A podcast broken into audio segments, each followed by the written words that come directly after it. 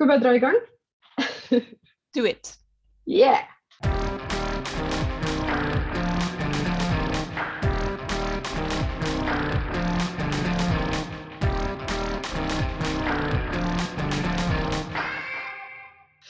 Hjertelig velkommen til en ny episode av Stolthet og fordom. Jeg heter Ingrid Svenvik Hagen, og med meg på Zoom denne gang har jeg Hilde Slåtto. Ole Burås Store. Dagens episode blir en Storbritannia-spesial. Wow! Yeah! Det er kult, da. Ja, vi har planlagt for lenge siden at vi alle tre hadde lyst til å lese romanen 'Shuggy Bane' av Douglas Stewart. En eh, stor, eh, prisvinnende debutroman. Det er jo litt eh, inspirerende og spennende i seg selv, syns jeg i hvert fall. Mm. Eh, Douglas Stewart vant eh, Booker-prisen i 2020. Og dette her var, er en oppvekstroman fra Glasgow. Mm. Men nå må vi jo si litt om hva denne boka egentlig handler om. Vi befinner oss jo i Glasgow på 80-tallet, er det vel. Mm. Eh, Et fattig litt, Etter hvert så blir det sånn eh, gruvearbeiderdel av litt på utsida av Glasgow. Mm. Eh, Det er jo, det er- jo mor-sønn-forhold i stor grad med Skjøgge og, og mora. Som er ganske på den ene sida veldig sterkt, men det er også denne anstrengt og, og tragisk der òg, selvfølgelig. Uh, han han har to søsken, ei søster og ei storesøster og en storebror. Eh, far som kjører taxi og er totalt fraværende. I begynnelsen av boka så bor de sammen med besteforeldrene, så jeg flytter det etter hvert ut til den her gruven. Så det er på en måte Superb, ja, det er liksom bakteppet da, eller det som er utgangspunktet for, eh, for romanen, er jo den oppveksten til Sjøgebein, og spesielt forholdet til mora. da. For Shuggy Bane, han har vel navnet til faren sin, har han ikke det?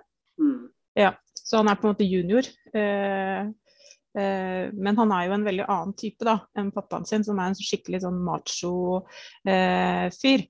Som har masse damer på si og røyker og drikker og kjører taxi hele natta. Kommer hjem, slenger seg for å sove, får maten servert. Er ikke så veldig på god talefot med sine svigerforeldre, som jo har latt de få lov til å bo i huset sitt. Eh, men hun er jo bare så stormende. Altså Agnes, mammaen til Shuggy Bane, er jo så utrolig forelska i denne mannen. Eh, de har jo et veldig sånn stormende forhold Mm. eh, som eh, Og han er jo også voldelig mot henne. Det er jo, det er jo forferdelige tilstander. Men allikevel så får Gudrun Ja. Ja, Det mens et- Storesøsknene de har på en måte meldt seg ut egentlig av familien. Søstera flytter jo bort, og broren eh, gjør jo også det etter hvert. Eh, Egnes er jo alkoholisert, Mm, og det blir jo bare verre og verre. ja, så det er òg en uh, viktig del av historien. Den måten hun uh, opptrer på. Mm. Og da kommer vi kanskje til kjernen av det som jeg syns var interessant ved boka. Fordi dette er ikke noe nytt i litteraturen fra Storbritannia. Eh, Det er ikke noe nytt å få arbeiderklasse, oppvekst, eh, fattige kår, eh, alkoholiserte foreldre. Men, for jeg har tenkt mye på hva er det som gjør at jeg er så begeistra for Shuggy Bane. eh, en helt annen grad enn jeg har vært for andre typer bøker i samme kategori, da, for å si det sånn.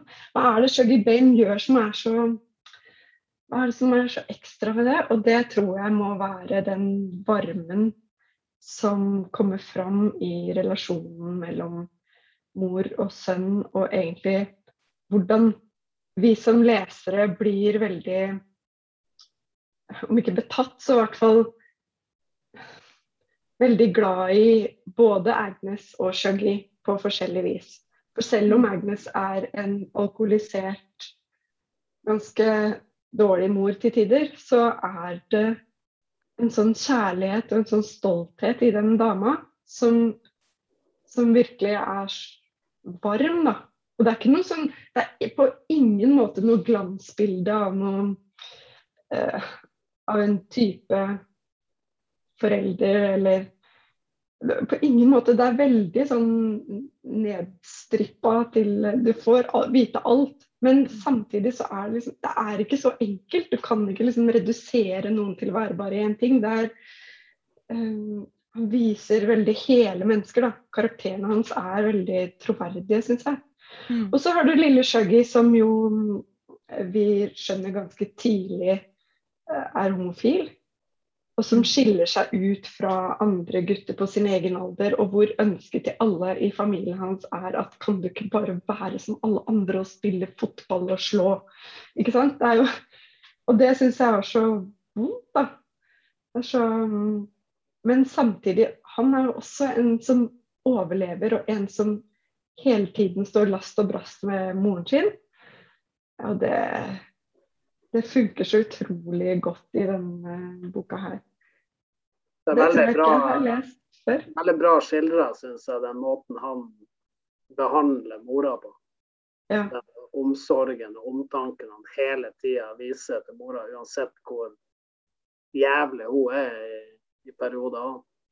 Så hun er jo veldig opptatt av fasaden òg. Ja. Hun er jo en pen dame og kler seg pent. og Alltid, alltid ren og pen når hun går ut av eh, døra, mens eh, backstage er det jo eh, et helvete. Mm. Ja, det er en slags De kontrastene jeg syns var veldig interessante. Mm. Det er veldig sånn overlevelsesstrategi som mm. eh, der du på en måte får tilbake en slags stolthet. Du skal, skal aldri Altså det er jo veldig sånn mye sånn nabo det er mye naboskap der som er litt infant. ikke sant? De mm. ser på hverandre over hekken uh, inn i disse stygge murhusene som bare står på rekke og rad og er helt like. Men alle veit jo at i, akkurat i, den, i, det huset, i den leiligheten, der er det, der er det ekstra trash. Men hun nekter på en måte det blikket, og liksom la seg kue av det blikket. da og av den forakten for uh, den som ikke har uh, Altså, det er jo veldig høy status på en måte å holde på mannen, selv om det er et forferdelig familieliv. Så allikevel det å holde på mannen, holde på inntekten, holde på liksom at familien skal være samla. Uh, hun har på en måte feila på så mange plan, da. Men det er jo masse alkoholikere der. Men hun er på en måte alkoholiker på kanskje en feil måte, jeg vet ikke. Kanskje den scenen som jeg likte aller best, var når hun klissvåt går til en um, pantelåner, er det det heter? Mm. Uh, for å pantsette noen smykker og den fine kåpa si. Mm. Og så Idet hun går inn i den butikken, så skjønner hun at dette er egentlig feil sted. fordi han her han tar ikke imot sånne ting. Og så prøver hun liksom å unngå Hun prøver å finne ut Han, han selger vel bildeler, er det ikke det? Det er et verksted, og så ja så selger han også bildeler eller noe sånt. Det er det han tar imot. Mm.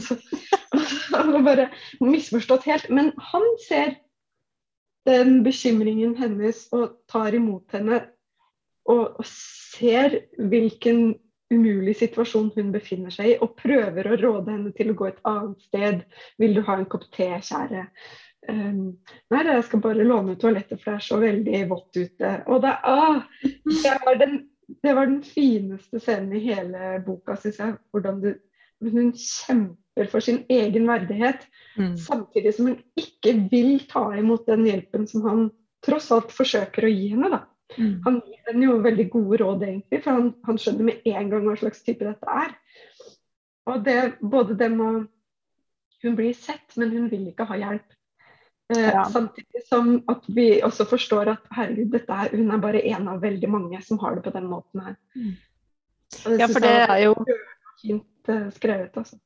Mm. Ja, jeg er helt enig. Uh, hun blir på en måte en sånn representant for uh, en hel tid, da. Ikke sant? Det er jo, mm. det er jo et England i fullstendig oppløsning som Det er thatcherisme og arbeideren på en måte går en skikkelig går, de, de, dør jo på en måte ned. ikke sant? Det er ikke noe alle de der klassiske man mannlige arbeidsplassene forsvinner jo i industrien, i, gruven, gruvene. Og, og, det betyr jo også at den klassiske mannen, den der machomannen, på en måte også har ikke noe Han får på en måte ikke noe sted å være. Eller han får ikke noen Hans verdi har jo blitt mista Han har mista fullstendig verdien sin i kroppsarbeidet sitt. Og, så det, det derre forfallet som skjer eh, i den klassen, da, eh, arbeiderklassen, er så utrolig godt skildra. Og hva det, hva det, gjør med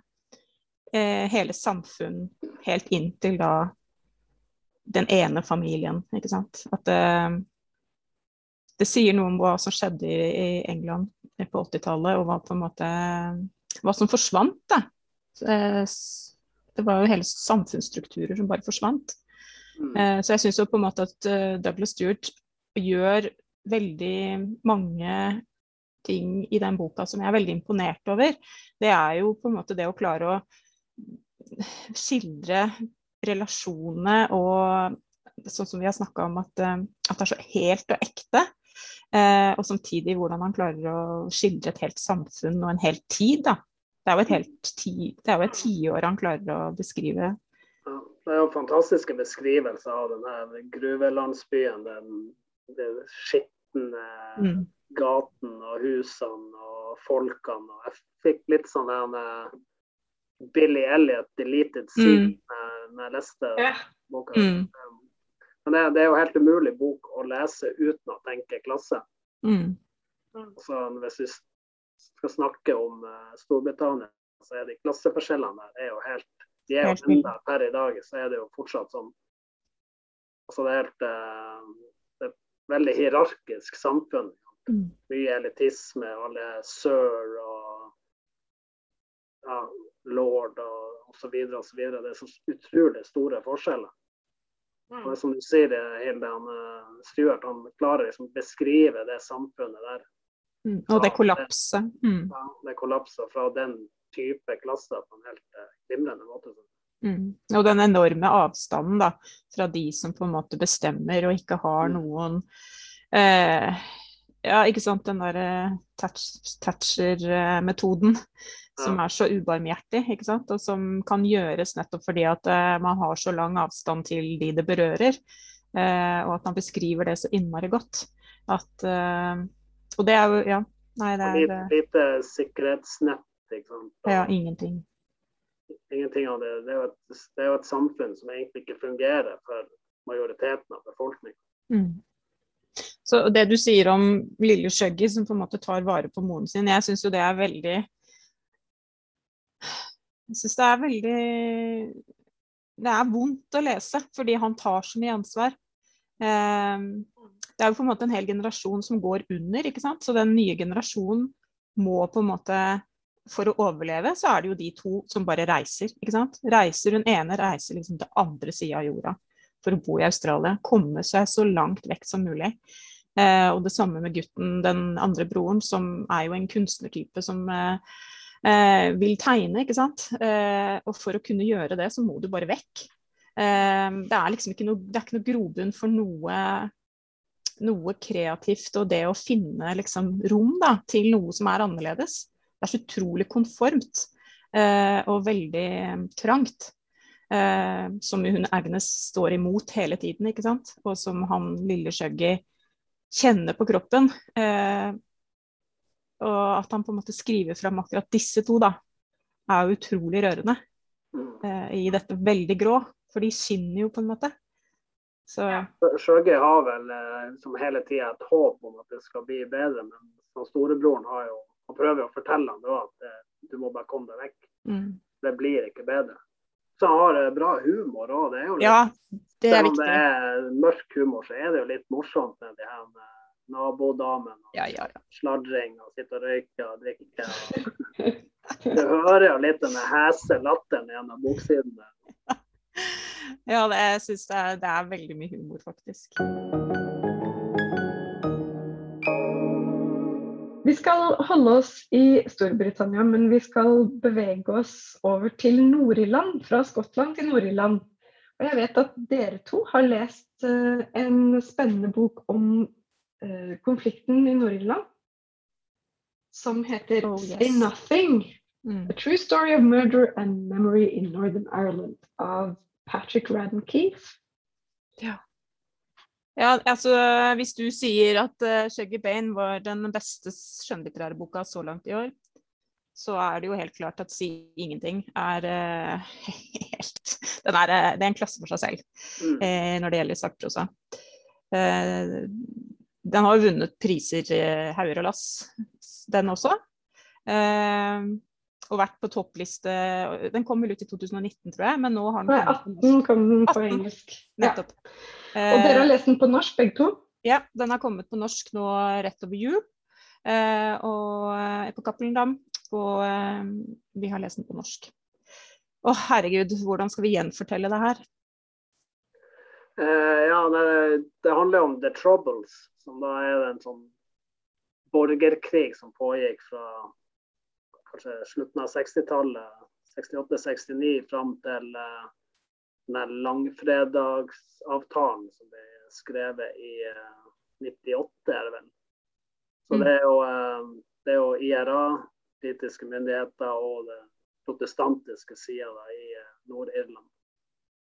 Så det er jo på en måte handlinga innenfor det tidsrommet. Men så har han en del sånn case som han, eh, som man følger for å prøve å liksom sette det her inn i en kontekst. Uh, jeg hadde jo med meg denne boka på Jeg leide en sånn tretopphytte. Hele, hele, hele poenget med ei tretopphytte er å sitte og se på fuglelivet og nyte utsikt. Men jeg, jeg fikk rett og slett ikke med meg en dritt. Jeg, opp, jeg kom inn i hytta, satt meg ned og åpna boka. Der satt jeg og stirra ned i boka i tre dager. Jeg hørte bare samboeren min Å, se ekorn og «Å, hva sitter det der? Jeg bare så kikk litt. Ja, ja, det har ikke tid, jeg må lese. Så altså, det, det var rett inn i For det er, det er så mye der. Det er, det er spenning, det er tragedie. Det er også, det er også latter der òg, men det, det, det er så mye interessant å ta tak i at eh, jeg, vet, jeg vet ikke helt hvor jeg skal begynne. å- å Nei, det er veldig vanskelig, for det er jo veldig kompakt. Og uh, det som er interessant, er jo at Patrick Raddenkeefe, han er jo, han er jo amerikaner, eller med irske aner. Men han har ikke hatt noe forhold til det her, uh, den perioden og ja, konflikten overhodet. Han har på en måte bare tenkt "Ah, Dem om det, liksom. Så, Er det derfor han starter boka i Boston, på det biblioteket der? ja, ja. For det syns jeg var litt sånn rart, eh, men eh, så tenkte jeg ja, det er jo ikke så eh, Altså det er jo mange irer som flytta til Amerika, og at det er et stort irsk miljø i Boston er jo kjent, så Men ja, det er kanskje derfor, da. At han har kjennskap Ja. til det. Når det det, er gjelder også, ja, det kommer jo litt bedre fram i boka, det her Boston. Ok. Det er jo et arkiv, og det er jo det som på en måte er utgangspunktet for at han skriver den boka her, er det arkivet som egentlig har vært litt sånn lite kjent, i hvert fall for oss som ikke er sånn spesialister på Nord-Irland. Eh, fordi i alle konflikt, altså i alle land der det har vært borgerkrig spesielt, så har man jo sett på hva er det som gjør at man finner på en måte tilbake til eh, en slags fred. da. Hvordan kan man ha en Mm. kontinuerlig fred som ikke bare brytes opp? Og da har jo forsoning, men ikke minst det å få fortalt alle sider av konflikten. Eh, og så er det jo så veldig spesielt med Nord-Irland-konflikten. Men jeg kan tenke meg det er sånn det er i alle borgerkrigsrammede land. At lojalitetskreftene i de stridende parter er så utrolig sterke at det å komme fram og si det var faktisk dette og dette som skjedde Man lager myter om hva som har skjedd. Sant? Man lager på en måte historien er jo Man forteller en slags historie. En sånn offentlig historie fra de forskjellige partene, og så er det masse som aldri, aldri, aldri blir fortalt. Å si ingenting er jo tittelen på boka, og det er jo på en måte det det handler om. At, at den lojalitetskulturen var og er så ekstremt sterk at det blir sett på som en eh, overløper eller en sviker hvis du overhodet forteller noe som helst fra eh, perioden som, eh, som har på en måte en sannhet i seg. da. Ikke sant? Eh, for det er jo utrolig mange som har blitt tatt av dage, bare blitt bortført eh, og drept. Og det er masse mennesker som aldri har blitt funnet igjen. Eh, altså det er så mye forferdelig grusomme ting som har skjedd, og som bare har blitt liksom lagt dypt, dypt, dypt under. Og, så, og det skal ikke snakkes om. Og det har vært, det har vært gjennomsyra i hele Nord-Irland, i alle Ja. Det arkivet er jo eh, det er, det er intervjuer som er gjort eh, med IRA-folk. Eh, mm. Og så har man da lagt det i arkivet i Boston med lovnad om at det ikke tas fram før etter de er døde, mm. de intervjuobjektene. Så det blir, det blir, jo en del konflikter om det underveis òg, fordi at man mener man har rettighet til å få ut offentlig informasjon osv. Men det er klart det er lojalitets... Eh, altså hvis du bryter For det er òg veldig spennende i boka med hvordan det finnes eh, spioner på begge sider. Mm. medlemmer som jobber for myndigheten og, og omvendt.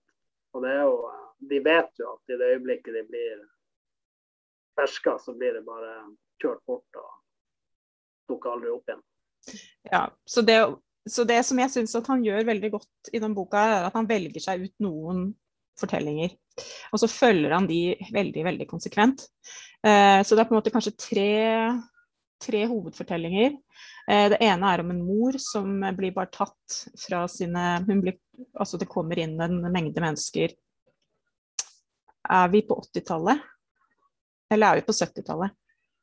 73-74? Ja, nettopp. Vi er tidlig 70-tallet. Mm. mm. Så hun er alenemor, de har mista sin far i kreft. Og så uh, har hun en, et, en barneflokk på Ti barn. Ti barn. Ja, så hun har på en måte ansvar for disse ti barna, og den yngste er bare ett eller to år. Og den eldste er jo en, en voksen gutt, tror jeg. Han er 16. Jeg hørte akkurat den delen. Ja, men takk, for det er jo dumt å alltid komme, å komme med liksom feil informasjon. Men eh, det som skjer, er at hun blir bare hun blir, Det kommer brasende inn en gjeng med folk og bare tar henne fra Bare fører henne bort fra disse barna som sitter i den leiligheten. Og de ser henne aldri igjen. Det er, det er én historie, og som er en veldig sterk start, ikke sant. Mm. Eh, og så er jo det det er jo en rød tråd gjennom boka at disse barna aldri gir opp håp om å finne på en måte sannheten om hva som egentlig skjedde. Eh, og så er det en eh, annen eh, fortelling, eller en parallellfortelling, for alt henger jo sammen. Eh, og det er eh, søstrene Price. Og det kan kanskje du fortelle litt om, Ole? Ja, det er jo litt sånn uh, poster girls for uh, IRA eller den delen der. De blir jo store kjendiser og avbilder i magasiner. De ene Price-søstera er jo liksom hovedarkitekten bak eh, når de tar på en måte kampen ut av mm. Eh, Nord-Irland og inn i London. Mm. Det som skjer der, er jo at eh, når de opptøyene starter i 68, da, som den Bloody Sunday i 72, og på en måte det er etter det at det virkelig eskalerer, når britiske myndigheter skyter eh, demonstranter. Mm. Og etter det så, så blir opptøyene mye hardere og oftere. Og da kommer jo britiske myndigheter inn med flere soldater. Så meste av uh, tida der så foregår ting i Belfast. Men helt uh, ene Price-søstera bestemmer seg for at de må ta kampen over til uh, til England. La dem smake sin egen medisin. Eh, og plassere bilbomber uti. Og det kapitlet der syns jeg er helt eh, det, er så, det, er så, spennende og så bra skrevet. Det begynner med at eh, telefonen ringer, ringer i en uh, avisredaksjon. Der man får beskjed om at og det, det, er på en dag da det faktisk er streik i uh, offentlig kommunikasjon. Så, uh, så folk kjører. Det er mange biler i Londons gater på denne dagen. Så får jeg en telefon til avisredaksjonen om at det er plassert eh, seks bilbomber der og der. De går av da og da. Så følger du hele kapitlet med politiet som prøver å finne fram til, eh, til de her bilbombene. Og de, de, klarer jo ikke å finne alle før, eh, før de sprenges. planen deres er å reise tilbake før bomben går Mm. av. Eh, Men eh, i og med at eh, politiet allerede har fått beskjed, så, så stenger de og flyplasser. Så de blir jo faktisk arrestert. Satt i fengsel. Og da begynner jo litt den der politiske kampen å få litt mer oppmerksomhet. For da begynner de å sultestreike. Og det er jo ikke noe som de britiske politikerne vil ha på seg. At i det øyeblikket du sultestreiker, så får du oppmerksomhet i omverdenen òg. Da blir det på, på en måte et politisk eh, Hva skal jeg kalle? Statement, på et vis. Men det jeg skulle si, eh, som også er en, eh, en link til Sjøge Bein, er jo at eh, Thatcher er jo også her sentral. Og Hun er jo like beinhard her som hun er mot arbeiderne i, i Skottland på Mm. på den tida der. For hun nekter jo å godta å se på IRA som noe annet enn en terrororganisasjon.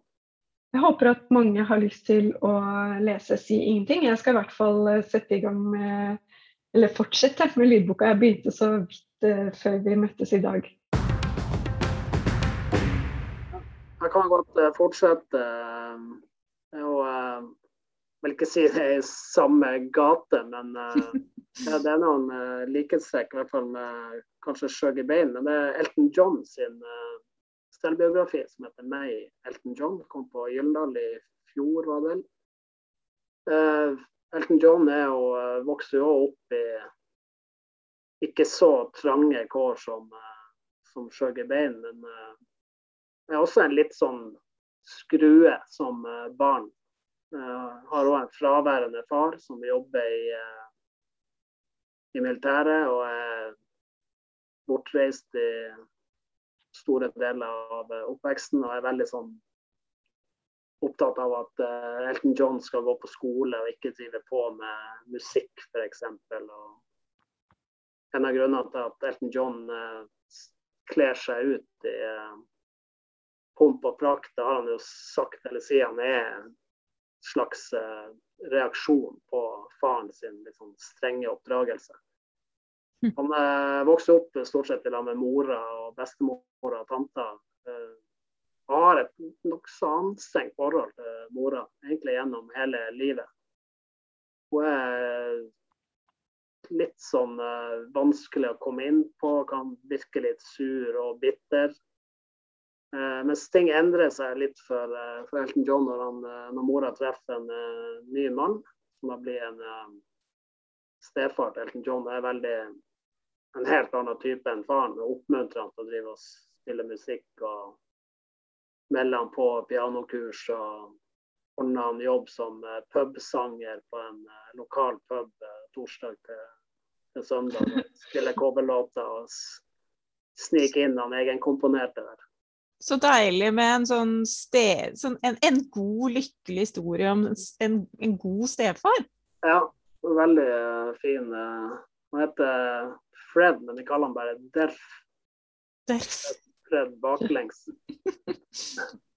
Så det er jo eh, en brutal, ærlig beretning om eh, Elton John sitt liv fra, fra han er liten til han blir eh, ja, den største popstjerna i verden. Så du følger han jo gjennom opp- og nedturer. Det er masse, masse dop. Kokain over en lav sko over en lang periode. Innleggelser. eh, vennskap med John Lennon, f.eks. Sånn til og med fadder til uh, Julian Lennon. da. Og uh, han som kobla John Lennon og Yoko Ono, hadde jo en sånn her uh, pauseår. Last Weekend-periode i John Lennon sitt liv. Og så var det Elton John som fikk dem sammen igjen. Han, det Er sant? ja, han skulle ha en konsert, og så fikk, ville han at John Lennon skulle komme og synge sammen.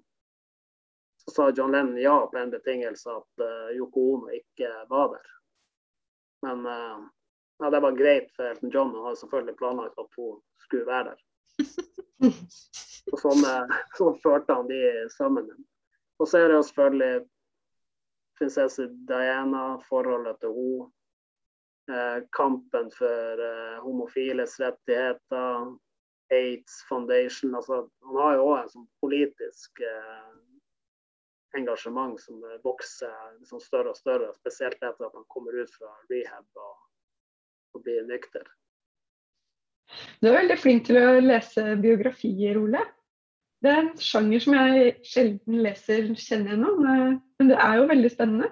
Mm, det, Synes, det, det, kan være litt sånn kjedelig, de her eh, musikkbiografiene, hvis det er liksom den samme klassiske malen. Det er det for så vidt her òg, med oppvekst og treffer en kompis på skolen som også er interessert i musikk, og så blir det venn, og så får du opptur, og så blir det nedtur, og så og Så blir de alt, så, ja, de blir avhengige. Ja, det er litt som Elton John gjør, og Keith Richard gjorde jo òg det. Så må du bare, må du fortelle alle de her med litt sånn artige tingene som skjer bak, mm. bak scenen, så er det jo synes jeg er jævlig interessant. Og så er det selvfølgelig interessant å vite hvordan låtene har blitt til. og innspillingsfasen. Jeg syns det er interessant. Jeg hører jo musikken i ettertid på en litt annen måte når man vet litt mer om bakgrunnen.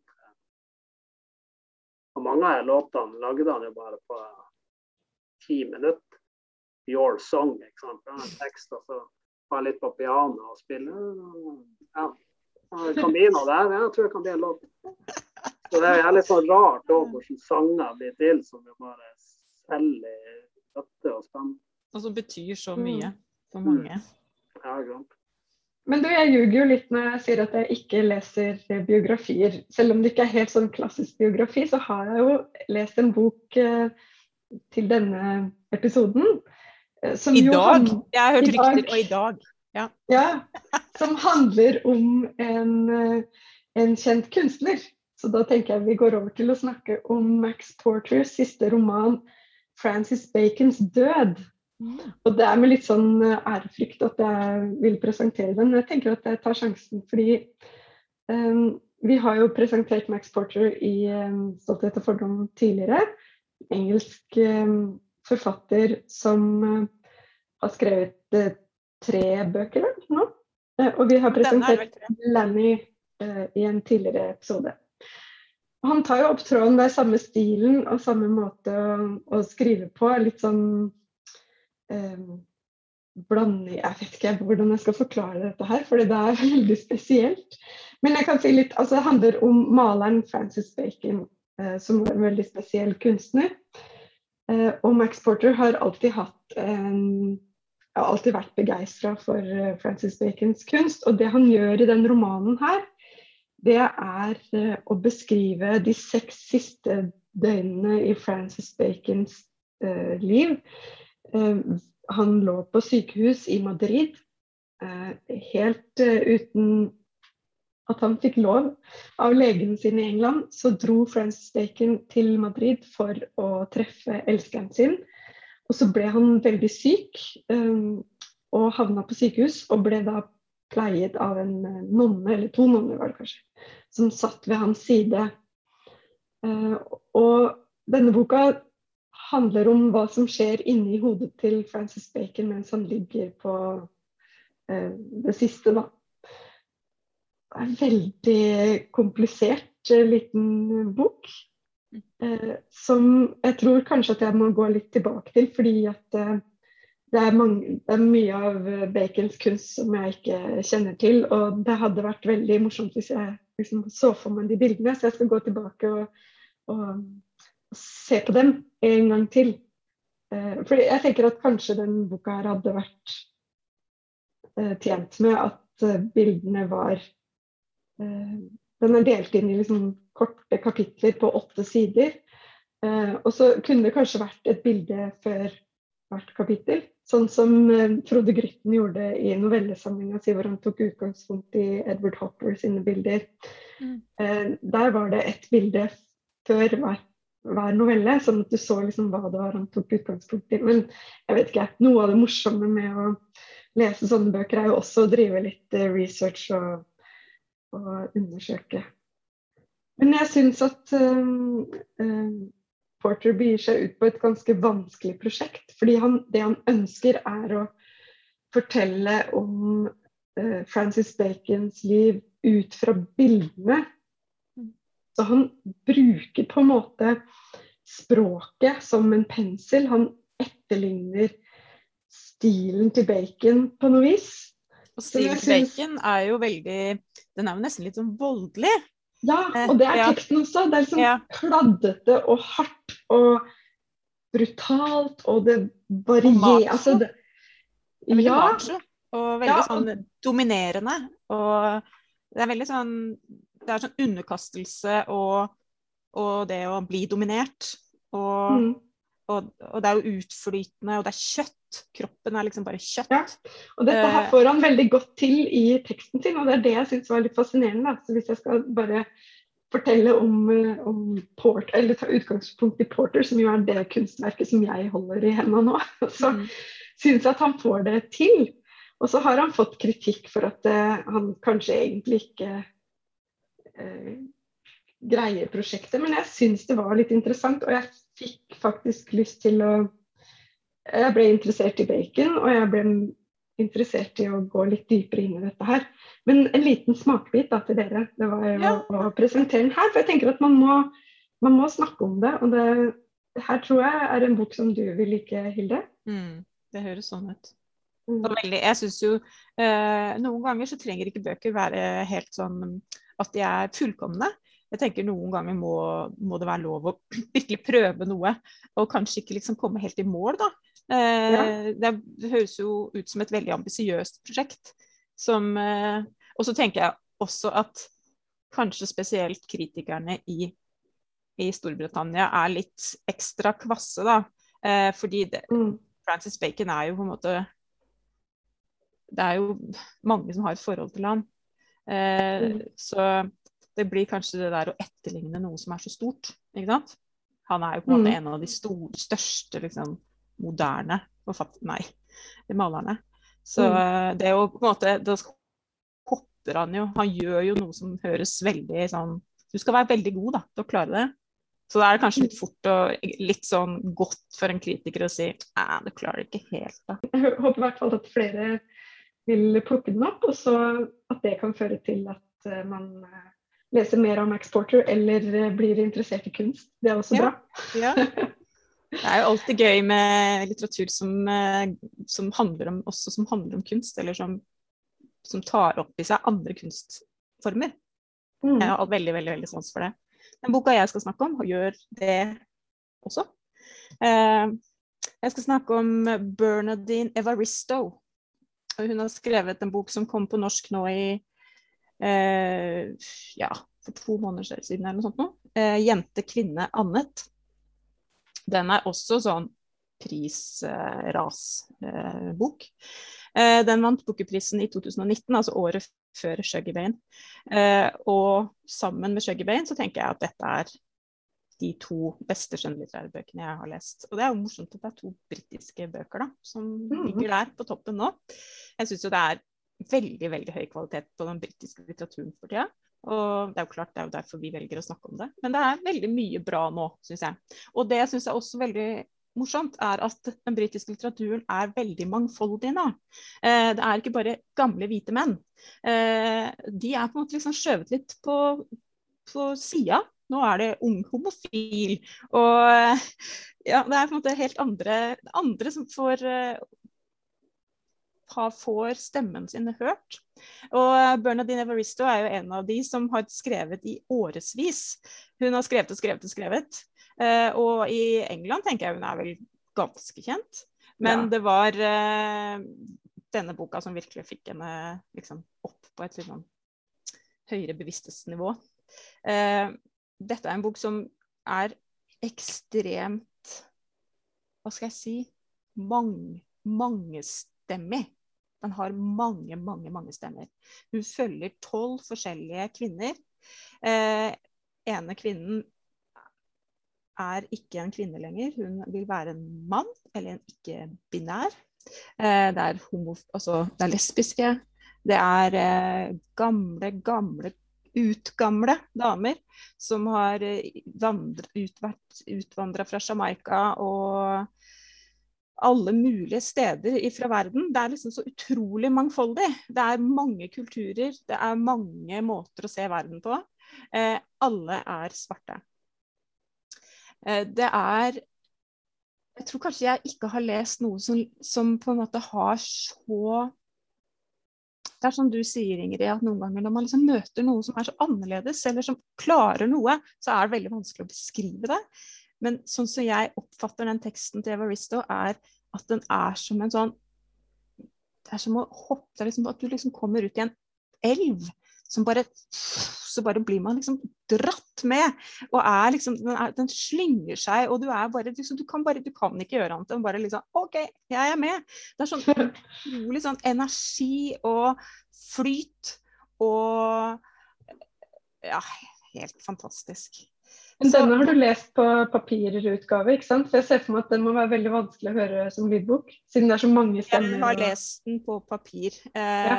Og jeg skrev anmeldelse av den, så jeg var jo også veldig sånn, bevisst når jeg leste den. Eh, mm. Men allikevel er det vanskelig å snakke om den. Eh, mm. Men den, som, den, starter, det jeg syns er litt sånn morsomt, er at den starter med Emma, som da er en uh, kvinne sånn mot 50, uh, som går på vei til uh, The National Theatre langs Stemsen. og så skal hun på sin premiere av et stykke. Hun er regissør, drevet med teater hele, hele livet. Vært i sånn undergrunn, politisk, kjempefeministisk. altså sånn, eh, sånn for, Som den eliten ikke vil ta i med en tang engang. Så har hun liksom gradvis kommet seg inn på eh, og blitt godkjent. Og nå er det første stykket på The National Theatre. Og hun går langs Themsen, langs denne elven som bukter seg. Og så kjenner hun bare på at hun er kjemperedd og utrolig stolt. Og bare Livet står bare og venter. Akkurat sånn er det jo med Bernadine Evaristo. Hun har skrevet og skrevet og skrevet. Hun har vært sett på som sånn derre eh, marginal, svart, eh, lesbisk, eh, feministisk. Altså sånn en sånn liten stemme, da. ikke sant? Og så plutselig så er på en måte suksessen et Det bare og det er jo det hun Emma opplever. Så det er så morsomt å lese om at hun skriver om denne kvinnen på vei inn i denne, eh, i dette, på dette stykket som bare tar alle med storm. Og så er det jo masse mennesker som kommer til denne premieren, og så følger vi så hopper vi liksom langt eh, tilbake i tid. Og så møter vi en lærer der, og så møter vi en gammel, gammel, gammel kvinne med en kjempestor slekt på en gård langt, langt, langt ut på landsbygda der. Og så liksom samles alle trådene til denne premieren, der alle kommer og har av forskjellige grunner kommet dit den kvelden. Eh, så den er veldig sånn smart, men også utrolig sånn levende, for den er ikke sånn überkonstruert. Den høres litt konstruert ut nå, men uh, den bukter seg og er uh, det, er det er levd liv. Og utrolig mange fantastiske kvinneskikkelser. Herregud. Man blir bare Ja. Og den, det som jo også er fantastisk, at den virkelig beskriver Storbritannia. ikke sant? Den beskriver mm. mangfoldet. Den beskriver uh, både landsby og, og by. Alle disse forskjellige det, det, å være innvandrer, det å være Det å ha bodd der i generasjoner, eh, det å være kvinne Jeg syns den beskriver Den har det der, litt det der som Shuggy Bane også klarer å liksom virkelig liksom vise et stort, mangfoldig eh, hele, da. Ja, fantastisk. Åh, det høres jo helt uh, suverent ut. Jeg har den på nattbordet, den der jeg må kanskje begynne på den i dag. Ja, du må det, Ole. Du må, må, må begynne på den i dag. Jeg tror vi lar det være siste ord i dag. Eile, tusen takk for rammeformene. Tusen takk for at dere eh, kom, og takk til alle som hørte på. Ha det. Tusen takk. Ha det bra. Ha det bra.